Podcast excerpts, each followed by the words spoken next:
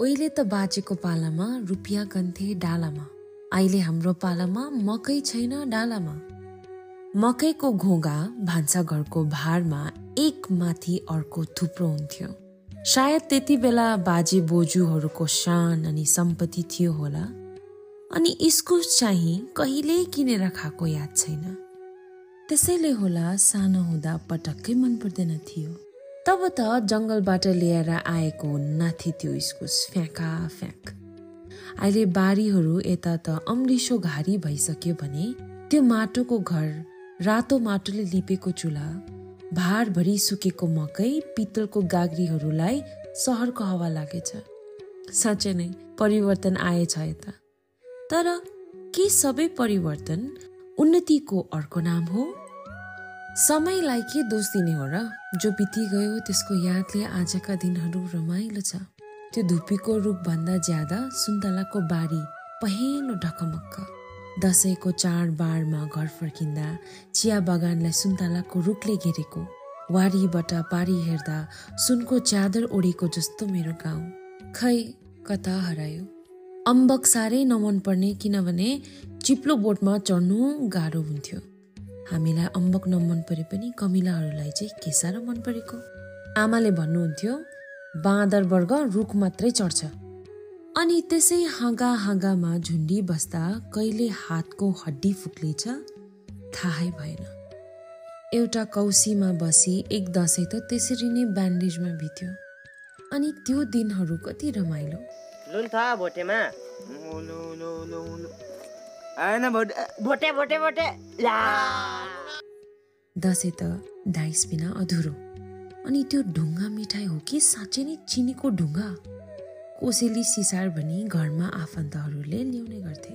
हिटको beer बोतल पुरानो खबर कागजमा बेरेर भुइँमा राखी ढोक्नु पर्ने तर हाम्रो गाउँघरमा जत्तिकै विदेशी चिया ल्याए पनि तोङबारा भाटीको जाडलाई कसैले पनि जित्नु सकेन है।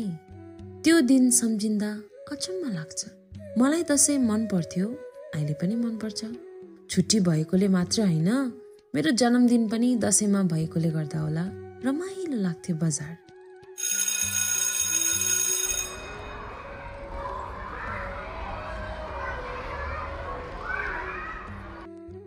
स्कुलको छुट्टी भएर गाउँ फर्किँदा सुन्तलाले ढाकेको बारी बिच भएर गाउँ पुग्थ्यो। चुलामा राखेको कालो खित्तीको मिठो दाउरा गनाउने पानी गाउँ बस्तीको शून्यता त बेग्लै हुन्छ। दुई हजारको दशकको घाम यस्तो चर्को थिएन। अहिले त ओजोन निकै फाटेछ जस्तो छ। पसिनै आउँदैन मलाई भन्ने मानिसहरू खल खल पसिना भइरहेको देख्छु म। आर्ची बोल्ट क्याम्बल अनि जन डाल्टन हुकरले रोपेको बोटहरू भन्छन् पहिला मुङलानमा चियाको बोटमा पैसा फल्छ अरे।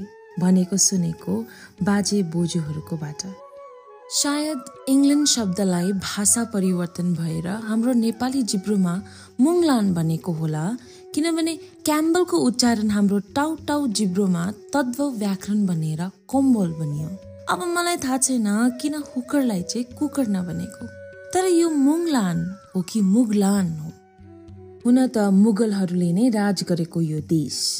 यो दुई शब्दहरूको रहस्य उहिलेको त्यो जिब्रोलाई नै थाहा छ होला। दसैँमा दिनभरिको मिठो खाना अनि रमाइलो भेटघाट अनि राति बजेपछिको पल्लो घरको भाती झाडको कमाल। त्यस बेला चाहिँ मनोरञ्जनको नाममा केही थिएन। महाभारत र चित्रहार हप्तामा एकचोटि आउँथ्यो भने दसैँ अनि तिहारको झगडा नै एउटा इन्टरटेनमेन्ट म चाहिँ खिर्कीको काठको बिममा टाउको राखी सुन्थेँ दुई दाजुभाइहरूको नोकझोक। हुन त मेरो बाजेहरू पढ्ने लाटा रामे अनि बाठा श्यामे। तर लाटा बाजे मुख नलागे पनि बोल्नु चाहिँ साह्रै मन पराउने।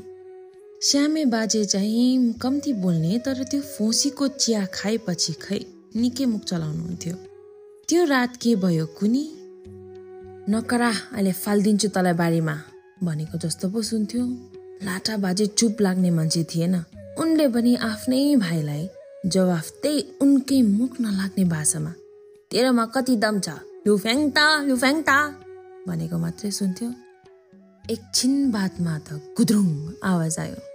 साँच्चै नै पो बारीमा फ्याँकेछ गाउँ समाज त्यति बेला अचम्मको थियो। अहिले पनि कहिलेकाहीँ त्यस्तै छ। बुढी अर्को पहिला गयो भनेपछि पञ्चायत बस्छ तर मातेर झगडा गर्दा बुढीलाई पिट्दा कसैले चु गर्दैन। चाडबाड त हो भन्छ अचम्मको। पाँच चिया बगानको एउटा डाक्टर बाबु बोस भास्कर बोस कलकत्ता सहरको चर्को घामलाई त्यागेर हाम्रो चिया बगानको न्यानो घाममा डाक्टर बोसले धेरै श्रमिकहरूलाई जाति बनाउनु भयो डाक्टर बोस भन्दा झाँक्रीलाई जन्डा मान्ने हाम्रो जनता औषधि खान होइन झाडफुक गर्न रुचाउँथ्यो हिले मेरो आङबाट फुत्केको हात लिएर डाक्टर बोसको चेम्बरमा जाँदा उनले मुसुक्क हाँस्दै मलाई भन्नुभयो नानी बोसो बोसो। अब सानोदेखि निकै बदमास अनि बाठी म मैले पनि जिस्किँदै मासे मासे भनिदिएँ। गलल हाँसेर गाला तान्दै खिर्कीको छेउको कुर्सीमा बस्न लगाउनु भयो त्यो वालमा उनको ब्ल्याक एन्ड व्हाइटको ठुलो पोस्टर थियो। अनि त्यता हेर्नु त एकछिन। भन्दा भन्दै कसरी हो हात घुमाई जादुगर जस्तो हात फेरि मेरो शरीरमा जोडियो। मैले चाहिँ मन भने सोचे खास झाँक्री चाहिँ डाक्टर भोज रहेछ।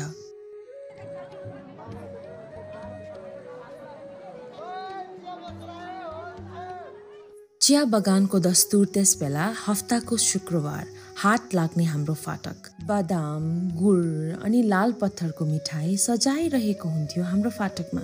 मलाई तल्लो घरको बोजूले दसैँको अघिल्लो दिन ओइ बिहामा जान्छस् मसित पारमेन भन्ने यस्तो प्रस्ताव राख्नुभयो। अहिले बुझ्दा त्यो जग्गाको नाम पर्मानेन्ट सेटलमेन्ट रहेछ तर त्यो शब्द हाम्रो जिब्रोमा सुहाएन रहेछ त्यसैले पारमेन मात्रै भन्ने गर्थ्यो। अब हाम्रो गाउँदेखि त्यो जग्गा धेरै टाढो तर म बोजूको साथी। मैले पारमेन जाने प्रण गरे। ल गयो हामी दसैँको घाममा हिमाल पारी बिहान एघार बजी। मण्डप पुग्दा बोजू नातिनीलाई त तिन बजेछ क्यारे बिहा घर छेउ पुग्दै जाँदा निकै भोक लाग्यो। बुढीले पनि कहिले नसुनेको आवाज निकाल्यो। त्यता त बिहाको पाल उठाउने बेला भएछ। चिसो सेलरोटी अनि चिसो आलुदमले भरिएको प्लेट बोजूको टेबलमा राखिदिनु भयो उनले एक राउन्ड मासु खोज्यो। च्यादरले बेरेको तम्बु मण्डप पनि खाली खोइ लाङ्सा फाक्सा त छैन प्लेटमा। भुइँमा हड्डी बाहेक अरू मासु त मान्छेको जिउमा मात्रै देखा पर्यो। तरै पनि आशामा बस्यो दुई। बुढेसकालमा चाम्रो सेलरोटी टोक्दै जाँदा अलिक पारा चढ्दै गएछ कि के हो बिचरा बोजूले एकजना दिदीलाई बोलाएर भन्यो औ नानी हड्डी त फुक्नु भए पनि ल्याउ न हौ एउटा।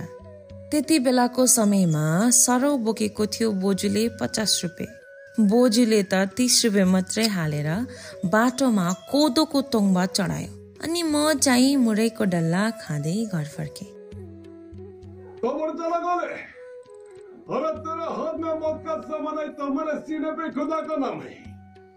गाउँमा मिथुनको फिल्म धेरै हेर्ने चलन। उसको लगभग प्रत्येक मुभीमा त त्यही नारीको चरित्रबारे अनि बहिनीको बलात्कार भएको मात्रै हुन्थ्यो।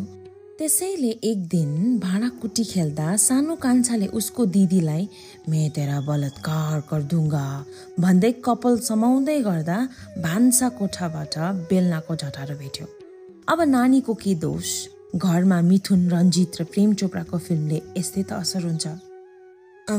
त्यो के भन्छ त्यो त्यो के त उयो त्यो ऊ त्यता ए त्यो के त त्यो उयो उयो त्यहाँ हौ त्यता।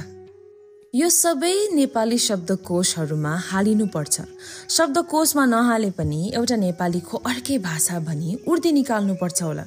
किनभने हामीले यो भाषा नबुझे पनि हाम्रो आमा छेमा बाजे बोजूहरूले निकै चलाउनु हुने गर्छ। यी शब्दहरूले मान्यता पाउनै पर्छ जस्तो छ। आमा रिमोट कता छ? ऊ त्यता उसको छेउमा। त्यो त्यता उयो के भन्छ त्यो त्यो के भन्छ त्यो त्यो। कमेन्टीको नामै आउँदैन। तेरो बहिनीको छेउमा हेर न। आमा आज खाजा मिठो भएछ। के हाल्नुभयो? त्यो कोबी के त त्यो उयो त्यो गरेको त्यो के भन्छ? त्यो थ्याच त्यो उयो त्यो मन्चुरियन बनाएको। यस्तै यस्तै स्वभाव भएको हाम्रो एकजना बाजे हुनुहुन्थ्यो।